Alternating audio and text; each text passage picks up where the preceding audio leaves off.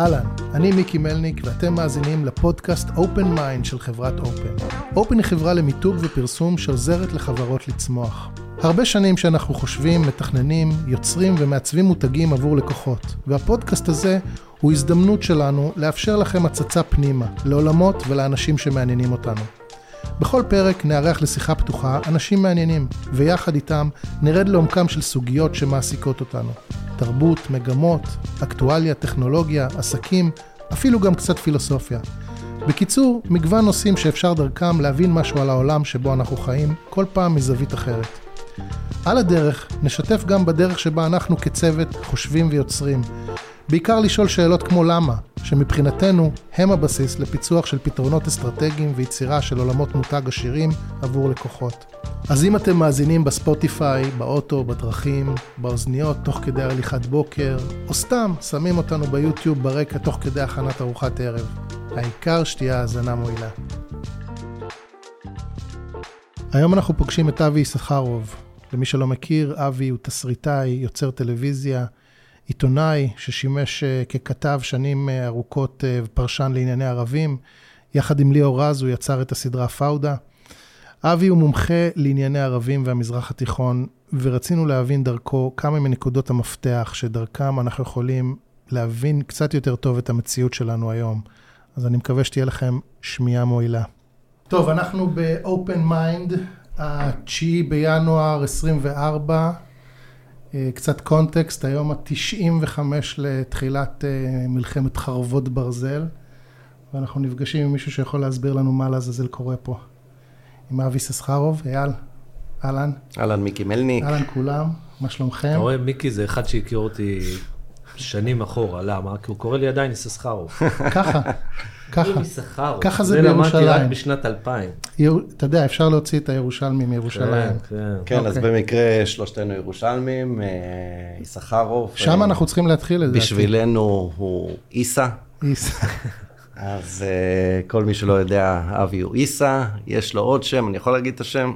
לא, לא. למה? אוקיי, זה נשאיר אה, בינינו, אולי בסוף ככה נזרוק אותו. הפטיש, הפטיש. אזרוק אותו ויברח, כי לא מעט מכות קיבלתי ממנו בנעורים. אה, אז אה, אבי, אנחנו ממש שמחים שאתה איתנו. אה, בגדול אנחנו רוצים לדבר איך הגענו למה שהגענו, אבל נשמח רגע להתחיל, אתה יודע, קצת רקע עליך, למי שלא מכיר. איך אתה מגדיר את עצמך? אתה, יש לך יותר מדי תארים, לא? יותר מדי דברים אתה עושה. אה, נערף, אה, לא יודע, אתה הכל כזה, יוצר, תסריטאי, עיתונאי, פרשן. לוחם. אה, לוחם בעברי, אבל 30 שנה, לך תזכור. באמת צופים. 30 שנה. צופיקניק מושבע. עד היום, אתה יודע, אני מדבר על הצופים, נדלקות לי העיניים. משם אנחנו... אה, גדל בירושלים, בשכונת אחי, הכורדים. למד בלידע, אחי, הוא ילד טוב. היה מסתערב. כן. ספר להם על ההסתערבות שלך. כן, לא, גדלתי בגבעת שאול בירושלים, אה, ובכיתה ז', סוף ז' בעצם, אה, אחרי בר מצווה עברנו לשכונה בשם גבעת שאול, שכונה כזאת מעורבת של, אה, אז לפחות הייתה, של חרדים, עם הרבה כורדים, ולאט לאט ככה החרדים פשוט took over, השתלטו. ואנחנו עברנו אה, לשכונה יעני יותר אה, נורמלית, יותר חילונית, בשם ניות. ובאותה שנה גם עברתי ללמוד בליד האוניברסיטה, וזה באמת היה שינוי גדול מבחינתי. אה, פתאום אתה נחשף להרבה אנשים שלא נחשפת לפני כן, ואז גם נשאבתי לצופים, והתחילו הרפתקאות ירושלים, וכבר אז מאוד חיבבתי את המסיבות. אני זוכר שעבדתי בכיתה י"א לפי דעתי, במלתחה של האמבטיה. וואלה. היה מקום כזה שקראו לו האמבטיה. ברור, מה זאת אומרת? כן, ואני עבדתי במלתחה, וכל פעם, אתה יודע, כמה ג'ובות כזה, אבל כולם היו בגילאי 17-18, זה לא שהיה דור הבליינים אז של ירושלים. לא, לדעתי האמבטיה זה ההכנה לבליינות. זה עוד כן. כאילו פרה חימום, ה... חימום. כן, זה כן, לפני המפץ הגדול. זאת הייתה התחלה. היה אליל אה, נערות לא לא קטן. ככה מתחילים. היה תראה מה שנקרא מבכירי הצופים, וכולם הלכו אחריו, כבר אז הוא היה מנהיג. ואז בעצם התגייסת לדובדבן. ואז ב-91, נובמבר 91, התגייסתי לדובדבן, שלוש שנים וקצת של אה, שירות, אה, באמת משהו שלא אה, יכולים לדמיין לפעמים. אני חושב כאילו היום, עד היום, על כל מיני אירועים שהיו לנו שם, זה קצת ככה, כאילו לקוח מאיזה סדרה... מאיזה פאודה. וזה דברים מופרעים. נפצעתי גם בצבא בהיתקלות עם אנשי חמאס בחברון. אה, טיפל בי אז רופא שהזעיקו מקריית ארבע, בחור בשם ברוך גולדשטיין. זה היה בינואר 94, וחודש וחצי לאחר מכן הוא עשה את הטבח במערת המכפלה. וזהו, המשכתי אחר כך, כאילו חזרתי לשירות קרבי מלא, עוד התקלויות, אה, אבל אין מה להשוות, אתה יודע, היום אני, לפעמים אני חושב על הדבר הוא הזה. מדבר, הוא מדבר על ההיתקלות הזאת ועל כן. הכדור שהוא חטף, כן. כאילו, אתה יודע, זה... אבל זה באמת, אה, אחי, זה באמת כאילו, אייל עושה פה עם היד ככה, כאילו זה משהו קליל, אבל זה באמת קליל, כאילו אתה מסתכל היום על רצועת עזה, אתה יודע, אני בא מבית החולים עכשיו, כן, אנחנו ואתה עכשיו... רואה אה, מה קורה היום עם המלחמה הזאת, ואתה רואה אפילו את דובדבן היום, מה הם כן. עושים. אתה יודע, אתה לא יכול... אנחנו שיחקנו בקפצונים, סליחה. באמת, שיחקנו בקפצונים. מול כמה מבוקשים פה, מול כמה מבוקשים שם. בסדר, אתה יודע, אז נפצעתי. אז הזעיקו כוחות, סגרו על הבית והרגו את כל המחבלים. אז מה? זה לא כמו האירועים שאנחנו עדים להם היום, שבאמת זה מטורף, זה משוגע, כאילו מה שקורה ברצועת עזה. ואני שומע עוד ועוד סיפורים על, על יחידת דובדבן, על מה שקורה להם שם, על מספר ההרוגים שהיו להם מאז תחילת הלחימה. אצלנו, אתה יודע, עד 2016, כל ההרוגים היו רק מתאונות עבודה. לא תאונות עבודה, סליחה, רק מתאונות אימונים, תאונות כן. מבצעיות וכולי. בכלל לא, לא היה לנו הרוגים ממחבלים. גם אפשר להגיד שעם כל מה שהתרגלנו ב... כמעט לא היו לנו הרוגים, הוא ב-20 שנה ממית, האחרונות. אה, הוא חטף כדור, מותר לי להגיד, אני זוכר את היום הזה, זוכר שהגענו לבית חולים, חטף את הכדור, זה עניין של מילימטרים. ברור. אוקיי, בין חיים ומוות, הכדור שהוא קיבל, אם אני זוכר נכון, זה היה... ישבה, נכנס, יצא, אז יחסית אה, זה היה קל, אבל אתה יודע, היום בקונטקסט זה באמת נראה... כן. אה, ובאמת בקונטקסט של היום זה באמת פציעה קלה. אחר כך הלכת, למדת ועשית בעצם גם תואר שני. עשיתי תואר ראשון ושני במזרח תיכון. אה, ישר אחרי הצבא עוד עשיתי טיול כזה לדרום אמריקה, מרכז אמריקה, כשלי היה בחלום אז להיות שחקן בכלל, ואפילו נרשמתי לאודישנים לכמה בתי ספר למשחק. ואז אני זוכר לילה אחד בפארק טיירונה. אה, עם קולומביה. הרבה- בקולומביה, עם הרבה ברקים ורעמים, ובאה לי הערה באלף, שאסור לי ללכת ללמוד משחק, ואני צריך ללכת בעצם להיות רכז שב"כ. ככה החלטתי, שזאת המטרה שלי בחיים, וזה מה שאני צריך לעשות. בשירות הצבאי היה לנו המון עבודה מול השירות, ושם למדתי להכיר את העבודה הזאת של מה זה רכז שב"כ, שזה קפטן איוב סטייל בפאודה, והיכולת הזאת לגייס אנשים ולשכנע מקורות, ובאמת. מה משך אותך לתוך הדבר הזה? זה היה עולם מאוד uh, מסתורי, מאוד כזה מיוחד, מאוד חכם ואינטליגנטי, כאילו אנחנו היינו עושים את העבודה היותר שחורה. אבטחה, איסוף, דברים כאלה, ופתאום אתה יושב לך איזה בן אדם כזה עם סופר... עם סופר תובנה. על, עם סופר על כריזמה, כריזמת על באמת, ואתה רואה אותו וקולט אותו, ואז הערבית שלי עוד לא הייתה מאה, אבל הערבית שקצת קלטתי, ואתה רואה במניירות איך הוא מצליח לעשות תמרונים על תמרונים לאנשים, ואמרתי, וואו, אני גם רוצה להיות כזה כשאני אהיה גדול. ואז אה, דברים התחילו להשתבש, ולהשתבש לטובה. כלומר, אחרי תואר ראשון אה, נתקלתי במישהו שהיה המורה שלי בתיכון, אה, בחור בשם גיל ליטמן, שאז היה כבר בכל ישראל, והוא שאל אותי מה אני עושה, ואמרתי לו שאני מסיים תואר ראשון, מזרח תיכון, ושאני אשלח קורות חיים, וכשלחתי קורות חיים והזמינו אותי לבחינות לקורס כתבים בכל ישראל. ואז אה, לתדהמתי עברתי את, כל הבחינות, ובאמת הופתעתי, כי לא ידעתי שיש לי את זה בכלל. ובשבוע הראשון של קורס הכתבים, אה, הבאתי סקופ משוגע שאף אחד לא ציפה לו. איזה סקופ הוא הביא. והרמתי שם את כל ה... אני- זוכר שממש החונכים, כלומר המנהלים של כל ישראל שהיו בחדר, פשוט קפצו מהכיסאות, תפסו את הראש וצעקו עליי אידיוט. למה? כי אני לא ידעתי איך עושים כתבה, והתחלתי את הכתבה בתיאור של משחק כדורגל בין בית"ר ירושלים להפועל תל אביב, ובסוף הכתבה נתתי את הסקופ, שהסקופ היה שבית"ר ירושלים בקולו אומר, אה, אה, נו, לוי, אברהם לוי, אומר בקולו, אנחנו הולכים להחליף את המאמן, והמאמן היה אז אלי אוחנה בעונתו הראשונה. שבעונתו הראשונה כמאמן. ואלי אוחנה, ואורי מלמיליאן. גיבורי אל- אלילי נעוריו. ברור. ממש, ו- ופתאום, ואז צעקו עליי, הדבילי, האידיוט וכולי וכולי, כי מה פתאום אתה משאיר את הכותרת. לסוף, ואני אפילו לא ידעתי שהכותרת צריכה לבוא בהתחלה. אה, אבל אני אני חושב שמאז אה, ככה סימנו אותי, ובאמת הצלחתי בקורס הזה, וידעו שאני יודע ערבית, וידעו שאני מכיר את הגדה המערבית, ו-1 ביוני 2000, אני מתחיל לעבוד בתור כתב לענייני פלסטינים, זאת אומרת לכסות את הגדה המערבית. באיזה שנה זה? יהודה ושומרון, 1 ביוני 2000.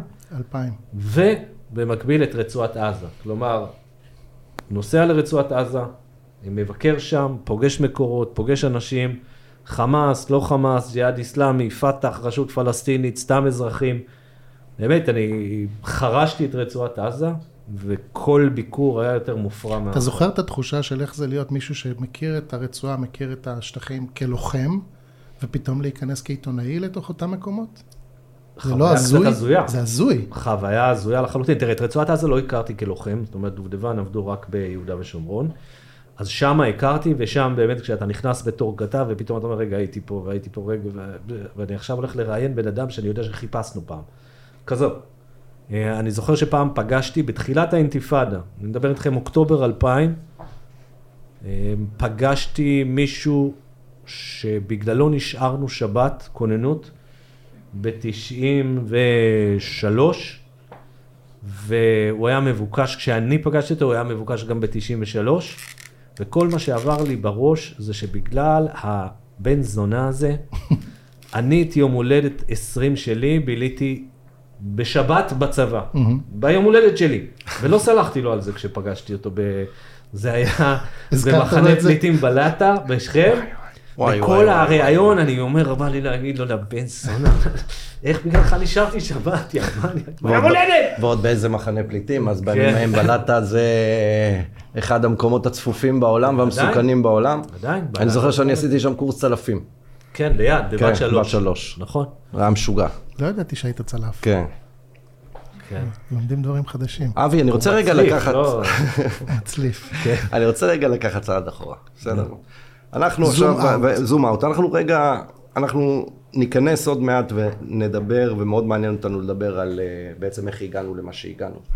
אבל טיפה לתת קונטקסט טיפה יותר רחב רגע מהשלולית שלנו פה, ולנסות להסתכל על מה שנקרא הביצה הרחבה הזאת שנקראת אה, המזרח התיכון.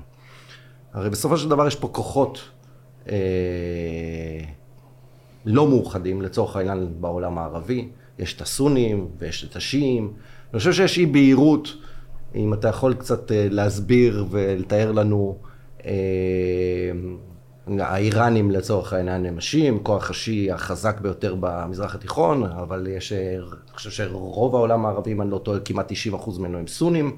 שגם בתוכו יש פיצולים, ויש שנאה מאוד מאוד גדולה בין השיעים לסונים. רק בכמה משפטים.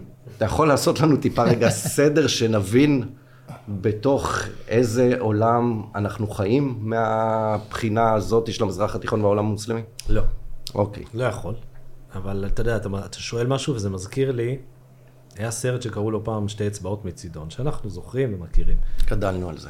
והיה את אלון אבוטבול שם, אה, שמשחק את החייל הצעיר הזה מגולני, ואז הוא אומר לחייל אחר, בוא אני אסביר לך מה קורה פה. בלבנון יש את הדרוזים והסונים והשיעים וזה, וכולם שונאים את כולם. אבל מה, הם לא יכולים להרוג את כולם, אבל כולם, יש להם. משותף, שונאים אותנו. אבל. מה, הם לא יכולים לבוא עלינו, על כולנו. למה? כי לנו יש את צה"ל הגדול.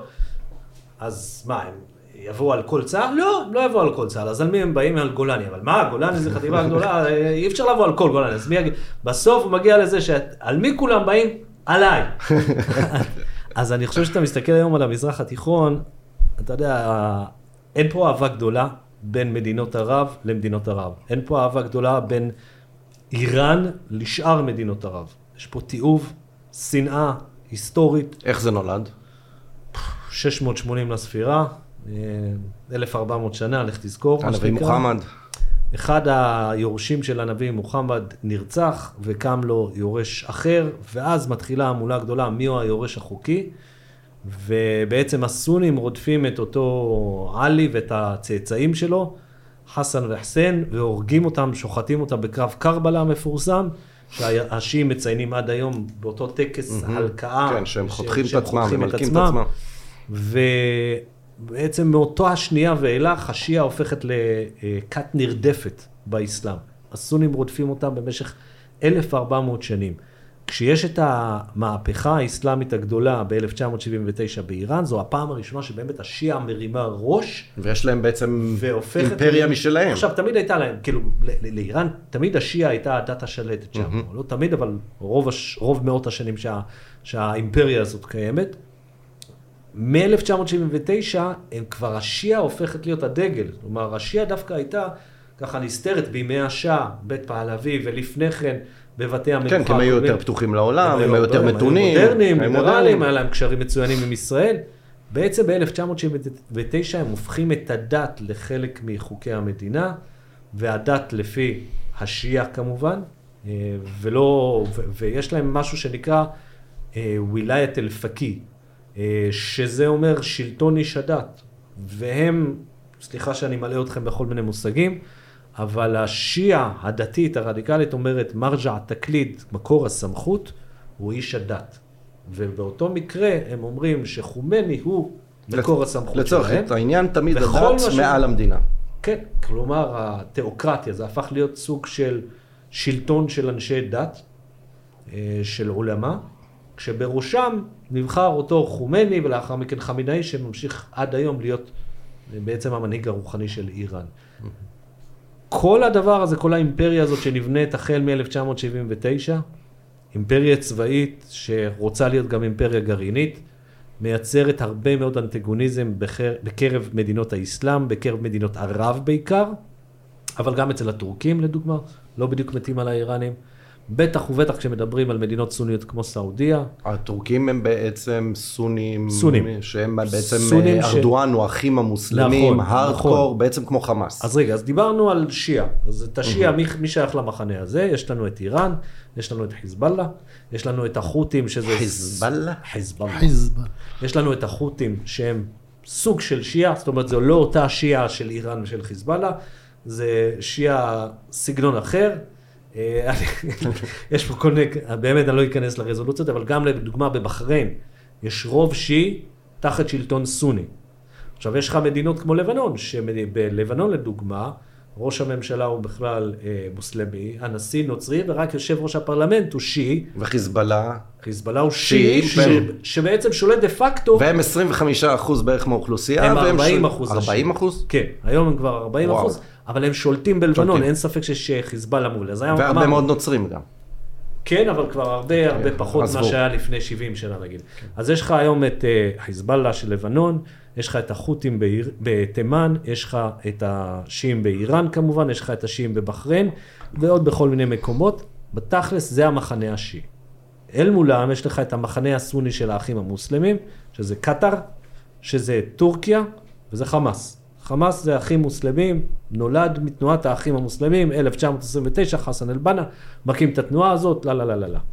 עכשיו, יש מחנה מוסלמי סוני נוסף, שזה המדינות היותר מתונות. מתונות. ערב הסעודית, כן, שבו לא נקרא לה... האמירויות. אלה דיקטטורות, מהמם. כן? דיקטטורות אבל הרבה יותר דבר, מתונות. אבל הרבה יותר מערביות, פתוחות, אם זה סעודיה, איחוד האמירויות, מצרים, ירדן, בעצם כל המדינות שמקיימות איתנו יחסים יחסים. ברמה כזו או אחרת, כולל מרוקו, ושם אתה רואה את התיעוב הגדול כלפי גם האיראנים וגם כלפי האחים המוסלמים. כלומר, אם אתה שואל היום את, את מצרים, בשקט בשקט, את עבד אל פתאח א-סיסי, ממי הם הכי מפחדים ואת מי הם הכי שונאים, אז היית, זה מה בעצם הייתם רוצים האיראנים. לראות שיקרה בעזה?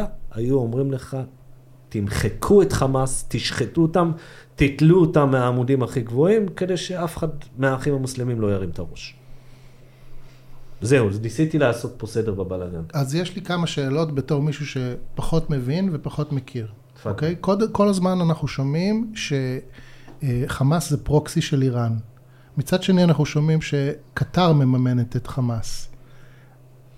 אם איראן שיעים וחמאס סונים, איך הקשר ביניהם בעצם עובד? אנחנו המאחדים ביניהם, לדעתי. כן. זה נכון, בעצם ה- השנאה לישראל. אוקיי. זה לא, זה לא רק השנאה לישראל, כלומר, איראן רואה פה ניצול הזדמנות. כלומר, כמו שהם השתלטו על חיזבאללה, על לבנון דרך חיזבאללה, הם אומרים, אולי אנחנו נוכל להשתלט גם על החזית הדרומית של ישראל באמצעות חמאס. עכשיו, הם יודעים שזה סונים, אז זה לא כמו חיזבאללה. חיזבאללה באמת יש קשרי משפחה כן. בין שיעים באיראן לבין שיעים בלבנון. פה אין קשרי משפחה. אז זה מסביר קצת את הצורה שבה הם הפנו להם כתף קרה אחרי השביעי באוקטובר, ולא נכנסו בעצם בפול נכון. פאוור. נכון. כלומר, הם אמרו, ראשית לא תיאמתם את זה איתנו, לא אמרתם לנו שום דבר. חסן נסראללה בעצמו אמר, כמו איזה בפאסיב אגרסיב כזה, הכי קלאסי של אה, אה, גבר ואישה רבים ביניהם, אמר, אני לא כועס על זה שלא הודעתם לי על ההתקפה. ורוצה לומר, אני מאוד כועס מאוד על זה כועס. שלא הודעתם לי. אה, והאיראנים גם, אתה יודע, הם לימדו אותם, הם ציידו אותם, הם שלחו להם כסף, אבל ביום ב- ב- בשעת השין הם לא הצטרפו. וזה זה קטע מרתק מבחינתי, כי אני חושב שחלק מההימור של יחיא סנוואר ושל צמרת חמאס היה הצטרפו. מבוסס על זה. חיזבאללה ו- ו- ואיראן מצטרפים. עכשיו, יכול להיות שזה היה הימור אה, לא שקול באמת, כלומר, כי לא היה לו שום הבטחה. שהנה כולם ביחד הצטרפו. היה פה גם התערבות אמריקנית בוטה מאוד ושליחה של שלחו לפה נוסעות מטוסים, כלומר שהעבירו פה מסר מאוד ברור לאיראנים, דיר באלקום, תישארו בחוץ. אז חמאס הימר פה, ובהימור הזה הפסיד. מהמם. הוא גם הימר על זה שערבים ישראלים יצטרפו, הוא הימר על זה שהגדה המערבית. תצטרף, וכל הדבר הזה לא קרה. לא קרה, ועדיין אנחנו בתוך הבוץ העזתי כרגע, ועדיין בתוך איזושהי לחימה, והסיפור עוד לא הסתיים, בטח לא מול חיזבאללה, שכאילו נראה שזאת החזית המתחממת, אה, אם לא הבאה שלנו, ואיו"ש, שאנחנו יודעים שמתבצעת שם כל, כל הזמן לחימה עכשיו, בעצימות כזאת, כאילו מתחת לרדאר, אבל עבודה. אז לאן כל זה הולך כרגע? מה, איך, איך אתה כרגע, אם אני צריך לקחת את הדופק כרגע מבחינתך על המצב שאנחנו נמצאים בו? מדברים על זה שכאילו הורדנו איזשהו, ש... יש איזשהו שינוי פאזה, עוברים לשלב שלישי, מה זה? עברנו, כן. אוקיי, מה זה אומר לשרוד. כל זה? זה אומר ש... תשמע, אם אתה, הייתי, אם אתה, זה ניתוח קצת ארוך, אבל אני אנסה לקצר אותו. א', אתה רצית להשיג פה שתי מטרות, למוטט את שלטון חמאס, שתיים, לפגוע פגיעה קשה מאוד ביכולות הצבאיות של חמאס. ברור. אתה הצלחת חלקית בשתיהן, ולפעמים, אתה יודע, יש לנו נטייה למרמרת, לזה שכמה קשה פה וכמה לא השגנו וכמה לא הצלחנו, אבל שנייה, רגע, רגע, רגע, בואו נראה. בוא נראה מה כן השגנו. מה כן השגנו? אה, הצלחנו לפגוע קשות בשלטון של חמאס, זאת אומרת היום אין שלטון דה פקטו לחמאס ברצועת עזה, אולי ברפיח, אוקיי? שיש, ששם עדיין צה"ל לא נוגע. הצלחת לפגוע פגיעה קשה ביכולות הצבאיות שלו, בטח כשאתה מדבר על צפון הרצועה, ואני לא מדבר על צפון הרצועה בית חנון בית לאיה, אלא מהקו הזה של ואדי רזה, עד נחל עזה. כלומר, מדרום העיר עזה ועד ל- ל- לבתים הצפוניים של רצועת עזה, כלומר עד לנתיב העשרה, היכולות הצבאיות שלהם מאוד מאוד הצטמצמו. אני לא אומר נמחקו לחלוטין, כי תמיד יהיה לך את אותו מניאק, סליחה, שיציץ מאיזה מחילה עם RPG ביד ויירה, או עוד איזה שלושה שיירו כמה רקטות ויגידו, אה, ניצחנו ויעשו וי, למרות שכבר אין להם אה, שתי אצבעות, בסדר? בדרום הרצועה יש פה מאמץ שנמשך, בעיקר בח'אן יונס כרגע, אבל גם באזור מחנות המרכז, לפגוע בתשתיות הצבאיות, ויש פגיעה. כלומר, יש שם פגיעה מאוד קשה. הסיפור עם המנהרות, כולל מה שקרה אתמול, זה בסוף בגלל שצה"ל מצליח להגיע למנהרות האלה, מנהרות אסטרטגיות, מנהרות עצומות, ב- ב- עם טווחים, אתה יודע, אנחנו מדברים פה על מאות קילומטרים של מנהרות שפעלו, נחפרו מתחת לרצועת עזה. אז עכשיו אתה מצליח להגיע כבר לקצה שלהם בח'אן יונס, אתה מצליח שמה לפגוע לחמאס בתשתית הצבאית שלו, אז יש פה הישגים מסוימים. איפה הבעיה? שאני חושב שזה לוקח המון זמן. כלומר, אנחנו כבר ביום, ביום ה-95, כמו שאתה אומר, עם נפגעים בצד הישראלי. דרך אגב, יש הרבה נפגעים, אבל זה לא כמו שחשבו. מספר ההרוגים עוד נמוך ממה שהעריכו למקרה של כניסה קרקעית שלנו, וזה ייקח עוד הרבה זמן. זאת אומרת, זה לא שאוקיי, יום ה-95, ואז אומרים לך, ביום המאה סיימנו את הסיפור, ניצחנו. לא, חד משמעי, אתמול או שלשום הרמטכ"ל אמר שכמו שהוא צופה, כל 2024, אנחנו נכון, עוד עכשיו, עלולים, אה, ה- ה phase אנחנו עולים השלישי, להיות שם. ה phase השלישי אומר גם שלא, אין פה איזה פעולה קרקעית עכשיו מסיבית של שלוש או ארבע אוגדות, אלא יש פה אוגדה אחת שעובדת על אזור ח'אן יונס, יש פה אוגדה שנייה על מחנות המרכז. זהו לעת עתה, כלומר, יהיו הרבה פשיטות, יהיו מבצעים תלויי מודיעין, אבל לא תהיה פה, לא יהיה פה כיבוש של הרצועה, של דרום הרצועה, נוסח מה שראינו בצפונה. אז עכשיו זה מוביל אותנו בעצם לשאלה שכולם שואלים כל הזמן, שזה כאילו שאלת היום שאחרי. ברור שיש עוד עבודה שאנחנו צריכים לעשות שם, ברור שיש מטרה למלחמה ועוד הזאת. לא דיברנו על החטופים כמובן. זה מטרה עליונה, ואז נשאלת השאלה,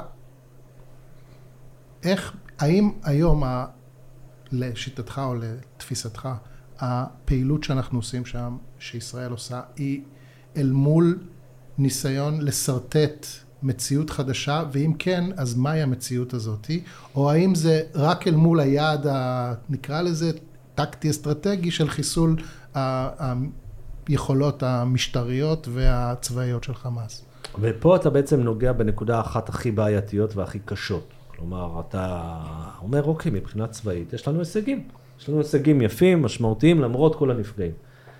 אבל אתה בסוף רוצה, ל- ל- ל- למה כל המבצע הזה יצא לדרך? כדי לשנות מציאות. אבל מה המציאות שאתה רוצה להגיע אליה? לא, אוקיי, אתה רוצה לשנות מציאות, אני מבין אותך, אמר נתניהו, אתה ראש ממשלתנו. לא רק נתניהו. באמת, כולם, כולם. כל הצמרת הישראלית רוצה לשנות מציאות, סבבה, אבל למה אתם רוצים לשנות? לאיזה מציאות? בואו תעזרו לנו להבין כציבור לאן אנחנו מכוונים. ופה נתניהו משחק את המשחק הזה של אה, למי שיש ילדים קטנים בבית, מכיר אותו, דובי לא לא. אה, לא זה- רוצה. חבר'ה, אבל זה ברור. זה, אנחנו, כל מה שאנחנו מדברים פה עכשיו, אה, זה המצב שאנחנו נמצאים פה עכשיו, אבל בואו נסתכל רגע אחורה. בואו נחזור רגע אחורה כדי לתת, עדיין להמשיך ולתת קונטקסט יותר רחב, ואחר כך רגע נחזור ל, ליום שאחרי, אוקיי? הרי אנחנו, איך, איך אמרת, מתי אתה סיימת את הלימודים והלכת ונהיית כתב, והתחלת להיכנס לשטחים, באיזה שנה זה היה? באיזה. שנים זה היו? בשנת 2000. כש... אה, מה היה המצב אז? בעצם בשנת, ב-94, מה זה היה? 94? 93 הסכמי אוסלו, אוסלו, 94 ערפאת, עזה והאריכו תחילה. ערפאת מגיע לעזה, כן. נדמה לי 94. נכון. ואז מתחיל פה איזשהו תהליך שכדאי רגע שננסה להבין את הקונטקסט, איך הגענו לאן שהגענו היום, מה קרה בדרך, איזה החלטות, מאוד מעניין אותי לשמוע, איזה החלטות התקבלו, כי אפשר ללמוד מהעבר, הרי אתה מדבר מהם רגעי המפתח שדרכם אנחנו יכולים להבין את איך הגענו להיום? בדיוק, בואו ננסה רגע להבין איך הגענו להיום, ומתוך הדבר הזה רגע שנייה נבין את הדבר הזה. הרי יש פה אה, מסמך היסטורי מה שנקרא, יש- אבל שלפחות שלושתנו חיינו אז, ומה שנורא מעניין, גם מההיכרות שלי עם אבי כבר כמה, 35 שנה, הוא היה שם. הוא חווה את הדברים, הוא מכיר את האנשים, הוא הפורסט ישב גם של איתם. הסכסוך. לגמרי?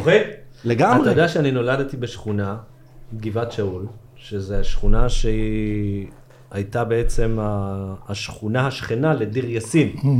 הטבח המפורסם שעיצב את הנכבה הפלסטינית ב-1948, והסיפורים שאני שמעתי מאימא שלי על הנכבה, כלומר היא זוכרת את היום של הטבח בדיר יאסין, היא הייתה אז, זיכרונה לברכה, היא הייתה אז בת שמונה, והיא ממש זוכרת את המשאיות שיוצאות מהכפר עם האנשים, שזה היה באיזה שנה? ארבע- זה 1948. זה הנכבה. נכון. אה, והיא נולדה ב... בוא נגיד סוף 1939, ממש על הקצה, 28 בדצמבר. אז שמונה, היא בת שמונה והיא זוכרת את המשאיות, ואני זוכר שביקשתי ממנה לספר לי מה היא זוכרת, והיא אמרה שמה שהיא בעיקר זוכרת, זה שבאו אנשי האצ"ל והלח"י לתושבי גבעת שאול ואמרו להם, יש את הבתים של השכנים שלכם, לכו תבזזו אותם, קחו. ומדובר פה על משפחה של כורדים, משפחה מזרחית, כדי שלא יהיה פה ספקות ויגידו יפה נפש וכאלה. אבל סבא שלי היה איש מאוד מאוד מכובד ורציני, ואסף את הילדים, והיו בשפע, ואמר להם, אם מישהו יתקרב לבתים של השכנים שלנו מד- מדיר יאסין, אני אשבור לו את הידיים והרגליים. ואז שברו את הידיים והרגליים, ההורים. אז הילדים ידעו שלא עושים כאלה דברים. וזה עוד לפני עידן אה, שלום עכשיו וכאלה. Mm-hmm. אבל סתם זה, זה הצחיק אותי כי אני באמת נזכרתי, ובאמת ב-94 אני נפצעתי בהיתקלות עם חמאס וברוך גולדשטיין טיפל בי, ופיגועי ההתאבדות התחילו למי שמאיתנו שוכח. סוף 93, יחיא עיאש מנסה לעשות איזה פיגוע שניים, לא כל כך מצליח לו. איפה זה צובר תאוצה? אחרי הטבח במערת המכפלה. אז היה גל של פיגועים. גל של, פיגועים מטורף. אה, של, של מתאבדים. נכון. עכשיו, ידענו מתאבדים, אבל לא בסקייל הזה, לא לא ידענו. בעוצמות האלה. ידענו מלבנון. כן, לא בעוצ... נכון. המתאבדים ידענו התחילו מלבנון בלבנון. עם ב- השיעה. נכון. ב-1982, שאני עשיתי סדרה סדרה. בטלוויזיה על הדבר הזה, שקראו לה Ghosts of ביירות, או רוחות ביירות, על אדם בשם עימאד מורדיה, ששם מתחילה, מתחילה התופעה הזאת של פיגועי התאבדות. אז, אז בעצם ברוך גולדשטיין, אה, הטבח ה... במערת המכפלה, אחריו מגיעים סדרה אני אעשה לך עצומה רגע של- סדר, אתה יודע מה? 13 בספטמבר 93, הסכמי אוסלו. מאי 94, מתחילים אה, בעצם ליישם את הסכמי אוסלו, וישראל יוצאת מעזה ויריחו תחילה. אני אז הייתי חייל בדובדבן, תפסנו כוננות ביריחו, לקראת היציאה שלנו, וזה שנכנסת הרשות הפלסטינית. ב- עוד לפני כן, בינואר 94, אחרי, סליחה, בפב... בסוף פברואר 94 יש את הטבח במערת המכפלה, ואז מתחיל גל פיגועי התאבדות משוגעים, שבו, אתה יודע, זה לא רק היה נקמה, זה היה גם במטרה לטרפד את הסכמי אוסלו. ברור. בדיוק. זה לא הולך להם, ישראל נסוגה מעזה ויריחו, ואז הרשות הפלסטינית נכנסת. ושוב, אחר כך בינואר 96, ישראל מחסלת את יחיא עיאש, ושוב מתחיל גל פיגועים מטורף. ובסוף, יש לך בין לבין את מנהרת הכותל ואת הסכמי חברון שביבי חותם עליהם ומיישם אותם, שהסכמי חברון זה ב... זה 97. כן. זה אחרי מנהרת הכותל ב- בסוף 96, וביבי שנלחץ אה, הולך על הסכמי חברון ויוצא מחברון, מחלקים מחברון. וכל הדבר הזה מוביל לזה שבסוף, בסוף, אחרי הרבה לחצים, גם הרשות הפלסטינית פועלת נגד חמאס, מדכאת אותם, אוסרת אותם, עוצרת מאות אם לא אלפים, גוזרת להם את הזקנים, כולל בעזה. אז למה, סל- למה הם עושים את זה? כי ישראל שמה להם איום חד משמעי, כאילו, אם אתם לא תפעלו, אנחנו ניכנס ונכבוש את השטחים, פחות או יותר. ויאסר ערפאת החליט לפעול. יאסר ערפאת לא היה ממעריצי ישראל בלשון המעטה, אבל אמר, אוקיי, אני צריך לשרוד פה, ולכן אני עושה את זה. וגם לא הייתה חיבה גדולה בין הרשות הפלסטינית לחמאס. ברור. וזה עוד משהו שצריך לזכור. היום כשיש אנשים, ואני שומע לא מעט, גם פרשנים וגם פרשנים שאני מעריך אותם, אומרים, הרשות הפלסטינית והחמאס חד הם. אותו הדבר, אין הבדל. זה שטויות. זה פשוט קשקוש מוחלט. זאת עוינות שנמשכת לה מהיום שבו הוא יוסד חמאס בדצמבר, 14 בדצמבר 87, ועד היום זה איבה ועוינות וחיסולים ורציחות והפיכות ומה לא. זה לא אותו הדבר, סורי. גם אם זה באותה משפחה, גם אם לפעמים מחמוד עבאס לא מגנה אותה מספיק, או אני לא יודע מה, מממן את משכורות המחבלים, להגיד שזה אותו הדבר, זה קשקוש לא, הייתה תקופה שהם רדפו אותם, הם הושיבו אותם בכלא, לא, היום, רצחו אותם, הם היום. בזמן שאנחנו יושבים פה ובעזה יש מלחמה, הרשות הפלסטינית עוצרת אנשי חמאס וג'יהאד איסלאמי. למה? הם רוצים לייצר שקט. אז לא בכל המקומות הם מצליחים, והיכולת של הרשות הפלסטינית לפעול היום נפגמת, אבל בשורה התחתונה, שנאה תהומית. מה, אנחנו שכחנו את ההפיכה הזאת בעזה ב- ב- ביוני 2007, שחמאס שחט שם 160 אנשי פת"ח. בדיוק. אז אחרי, מהם- אז אחרי שהוא שחט כל כך הרבה אנשים, והאיבה ביניהם היא מאוד מאוד גדולה. אחר כך נדמה לי ב-2008 או משהו כזה, אם אני זוכר נכון, אני זוכר שאתה סיפרת את זה פעם, שבעצם הרשות הפלסטינאית, אז זה כבר בראשות אבו מאזן, נכנסת חזק מאוד בחמאס, מנגוני הביטחון עובדים איתנו בצורה יחסית מאוד נכון. משמעותית, ויש יחסית שקט בגדה, אה, המסחר עובד, השווקים עובדים, יש תרבות, איך קראו לו למחבל ההוא שהיית. בקשר איתו? הוא היה מנהל אה, תיאטרון, מחנה מנהל תיאטרון. זאת אומרת, כשהרשות רוצה ויש שיתוף פעולה, היא מצליחה לנהל חיים אזרחיים וביטחוניים יחסית, כמו שלא ידענו הרבה מאוד שנים. תראה, כשהרשות הפלסטינית יכולה ורוצה, זה השילוב הנכון, אז ברור שזו סיטואציה ומציאות אחרת לגמרי. אז אני מנסה להבין למה. אני, אני רגע חוזר איתך רק לסכם את האירוע הזה, שהאירוע הזה בא, מגיע לשיאו, המשא ומתן לשלום בין ישראל לפלסטינים בקמפ דיוויד, יולי 2000, ההסכם, אה, המשא ומתן מתפוצץ, ובסוף ספטמבר 2000, מתחילה האינתיפאדה השנייה, והפיגועים הקשים, וחומת מגן, ומה לא, ובאמת יש לנו פה פאודה כוללת, כאוס מוחלט, אין רשות פלסטינית מתפקדת, החמאס מרים את הראש, עד שיאסר ערפאת מת, ושנה לאחר מכן, בינואר 2005, אבו מאזן נבחר לראשות של הרשות הפלסטינית. ואז באה ההתנתקות מעזה, שזאת הייתה טעות קשה בעיניי, כי לא הייתה נעשתה בתיאום. חד צדדית. איזה תיאום? יצאו. כן. ואז חמאס לקח את כל הקרדיט, ואמר שלי, שלי, שלי. ובאמת הציבור אמר זה באמת שלו, בגלל כל הפיגועים, לכן הישראלים ברחו. ולכן גם בחרו אותם. כן, ובינואר 2006 הם נבחרים ברוב גדול. ואז יש לך פה את הסיטואציה המאוד מורכבת הזאת של רצועת עזה. כלומר, יש לך את הרשות הפלסטינית מצד אחד, את החמאס מצד שני, שניהם אומרים, שניהם אוחזים בטלית ושניהם אומרים שלי הן.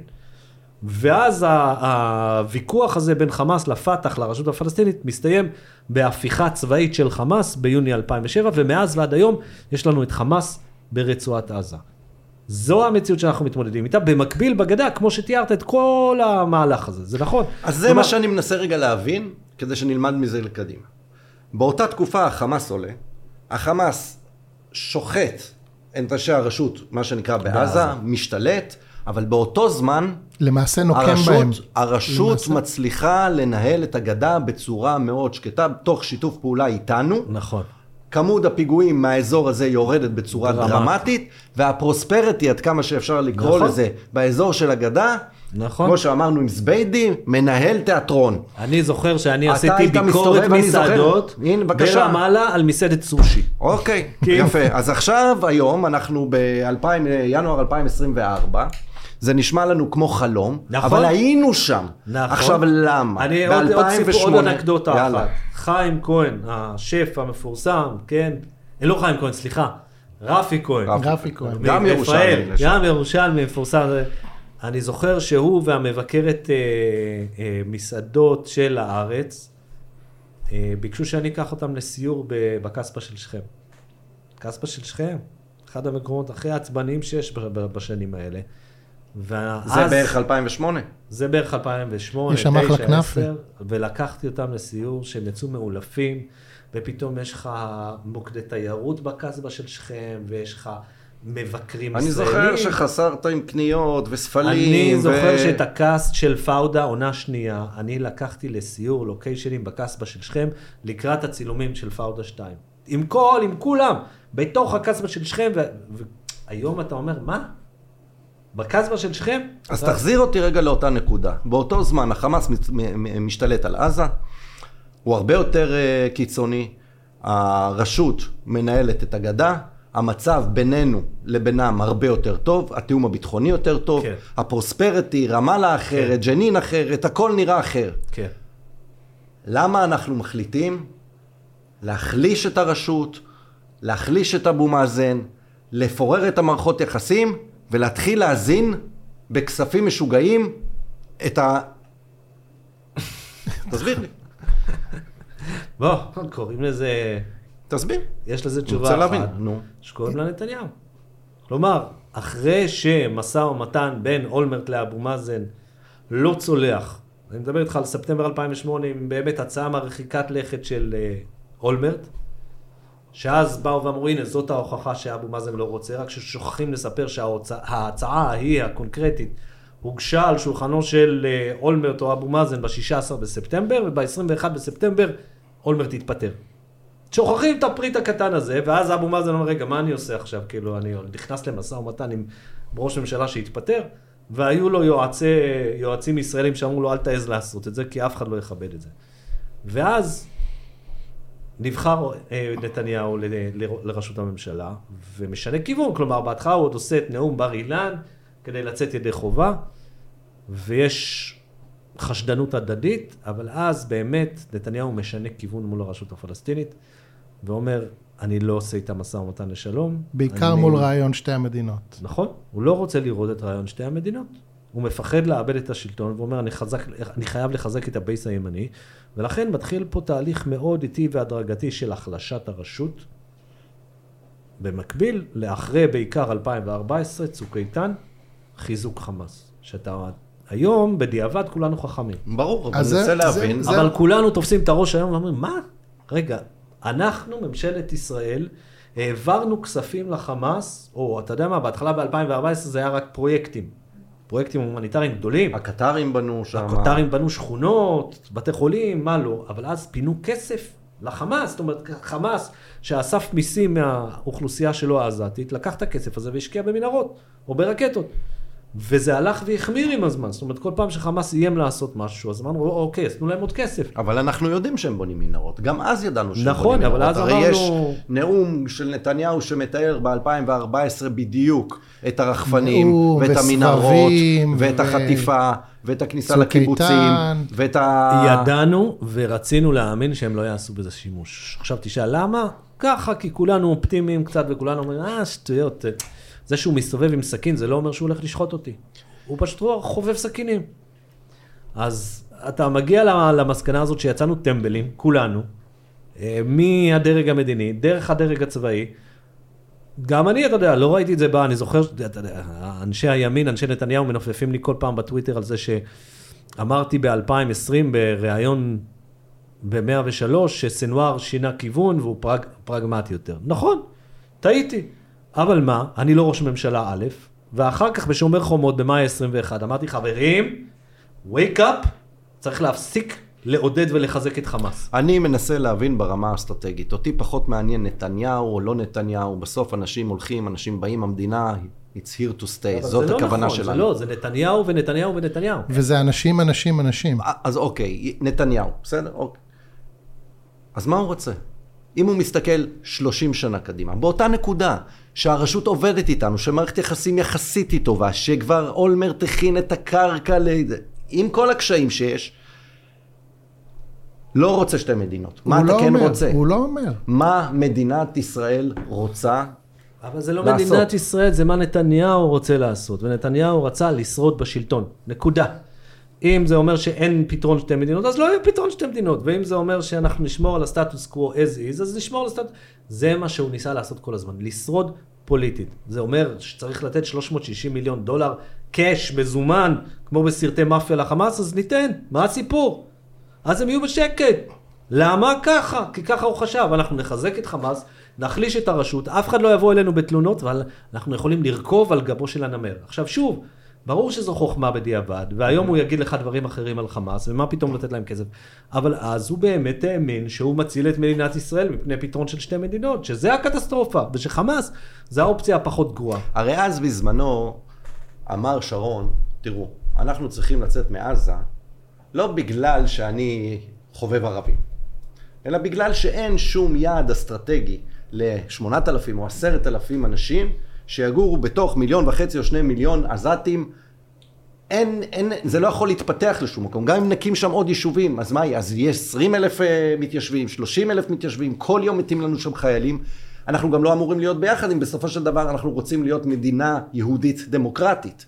אז אם אנחנו מסתכלים עכשיו קדימה וללמוד ממה שהיה בעבר, מה מדינת ישראל אמורה לעשות? איך אנחנו אמורים להתנהל מעכשיו וקדימה? הרי אנחנו שומעים הרבה מאוד הצעות. אנחנו לא רואים אנשים שבאמת עוסקים בזה בצורה אה, מעמיקה. הרי מדברים על חמולות שינהלו את המקום, מדברים על מצרים, מדברים על הקטרים, מדברים על הסעודים. כוח בינלאומי. מדברים.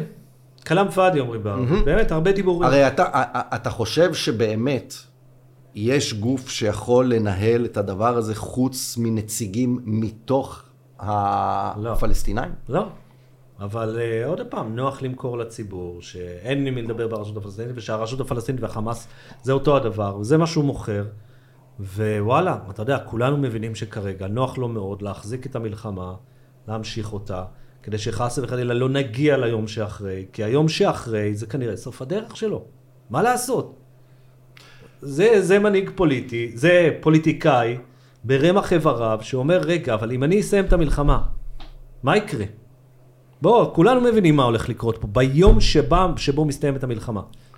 עכשיו, אני, דרך אגב, יש פה מלכוד מסוים. אני מאלה שאומרים, צריך להמשיך במלחמה כרגע. אני לא אומר צריך להפסיק, להפך, אני אומר צריך... ברור. למען השלום ולמען עתיד המזרח התיכון, אני אומר צריך למחוק שם כל משהו שמזכיר את חמאס. כל פעם שמישהו חמאסניק ירים את הראש, בום, להוריד אותו.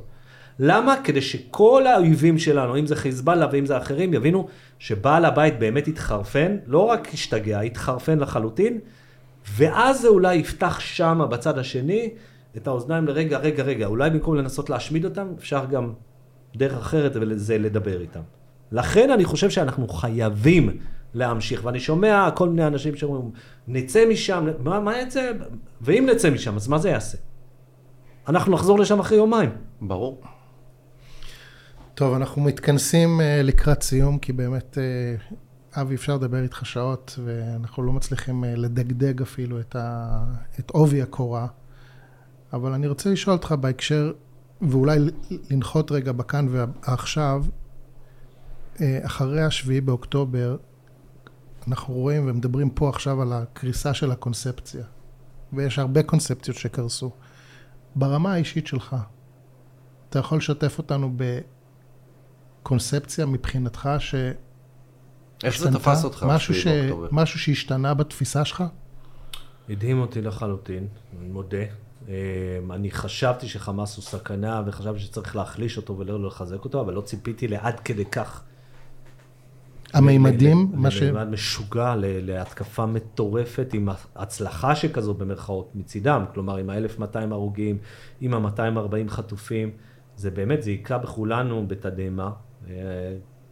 ואני עד היום מנסה להבין מה, מה קרה שם ואיך איך אף אחד לא ראה את זה, או אף אחד, ראו את זה אבל לא האמינו שזה הולך לקרות. אני חושב שמבחינתי, אני כן, אני חוזר פה על הנקודה שמקודם אמרתי, אבל שבאמת כרגע אי אפשר לדבר פה על גזרים, אי אפשר לדבר פה על שלום, צריך לדבר פה עכשיו בשפה אחת ברורה, וזה מלחמה, מלחמה, חרב, עד שאחרון המשוגעים שם יגיד, רגע, צריך להפסיק, כי היהודים התחרפנו, ובואו נדבר איתם אחרת לגמרי. או כמו שאמר לי בחור בשם אמיר טיבון, שהוא כתב מדיני בהארץ והיה ביום הראשון בנחל עוז, ואבא שלו נועם טיבון זה, בא, זה שבא לחלץ אותו, ובאמת אמיר לא חשוד אפילו טיפה ימניות, לא הוא שמאלני, מה לעשות? אבל הוא אמר לי, עד שאנחנו לא נגרום לזה שבצד השני בעזה, במאה השנים הבאות לא יקללו את הרגע שהם עשו את זה, אנחנו לא נוכל לחזור לבתים שלנו. ברור. ואני רוצה שאנשים בעוטף עזה יחזרו לבתים שלהם, ואני רוצה שאנשים בגבול הצפון יחזרו לבתים שלהם.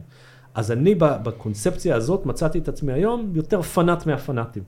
באמת, מיליטנט כמו אחרון אני לא יודע מה. אני לא, חלילה לא אקרא לעצמי בן גביר, אבל בקטע של, ה, של מה שצריך לעשות ברצועת עזה, אני חושב שצריך, חייבים להמשיך להכות בהם הכי חזק שרק אפשר. אמ, במישור האישי, תשמע, זה הגיע אליי בהרבה, בהרבה מקומות, וזה טלטל את כולנו, ואני מאמין שבאמת אין מישהו במדינת ישראל שזה לא הגיע אליו, שזה לא אה, פגע בו במישור האישי, אם זה שכן או חבר או בן דוד או מה שזה לא יהיה, וזו המציאות שלנו. מה לגבי הצפון? בהצלחה לכולם. לא, לא יודע מה להגיד לך, אתה יודע, אנחנו כרגע באמת באיזושהי התגוששות. אני רוצה להאמין שבסוף מישהו יצליח להוריד את חיזבאללה לקרקע ולהגיד להם, חבר'ה, אתם צריכים ליישם את 1701 ולסגת מצפון לליטני, כי אחרת תהיה פה מלחמה שאתם תשלמו עליה מחיר יקר. מצד שני, מהיכרותי עם חיזבאללה, זה כנראה לא הולך לקרות. לא נראה שזה יקרה בצורה שאנחנו, דיפלומטית. אנחנו עדים לזה שהמלחמה הולכת וקרבה אלינו, וזה הולך לראות רע.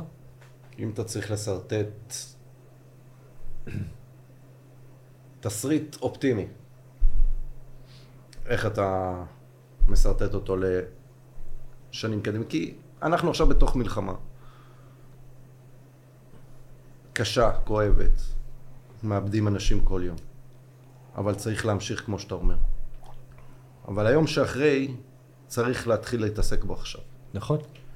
מה אתה חושב שצריך לעשות? א', להתחיל לדבר עם כל מיני גורמים בצד הפלסטיני על עד היום שאחרי. ב', להמשיך בפעילות הצבאית בח'אן יונס, ואם צריך להגיע לרפיח, אז גם לרפיח.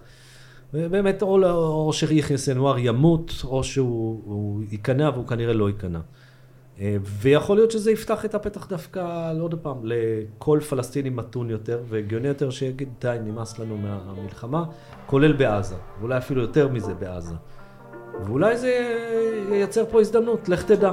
עכשיו, אני לא יודע על 50 שנה קדימה, לא, אני אומר, ואולי מה שנעשה בעזה גם יהדהד מספיק בלבנון כדי שנסראללה יגיד, אוקיי, אני רוצה לשרוד, ולכן אולי שווה לי להעיף את כוח רדואן מצפון לליטני במקום להתאבד פה. כן. אם אה, היינו מדברים עכשיו, אתה יודע, אחרי מלחמת. יום כיפור, אם מישהו היה מדבר ב-73 ואומר בעוד כמה שנים יהיה שלום עם מצרים, היו אומרים לך, תשמע, לא לא נשמע הגיוני. אז אה, בנימה אופטימית זאת. בכוח נייצר את ההזדמנות. עיסא. חבר'ה, תודה. תבורך. היה מאוד. תודה, אבי. תודה.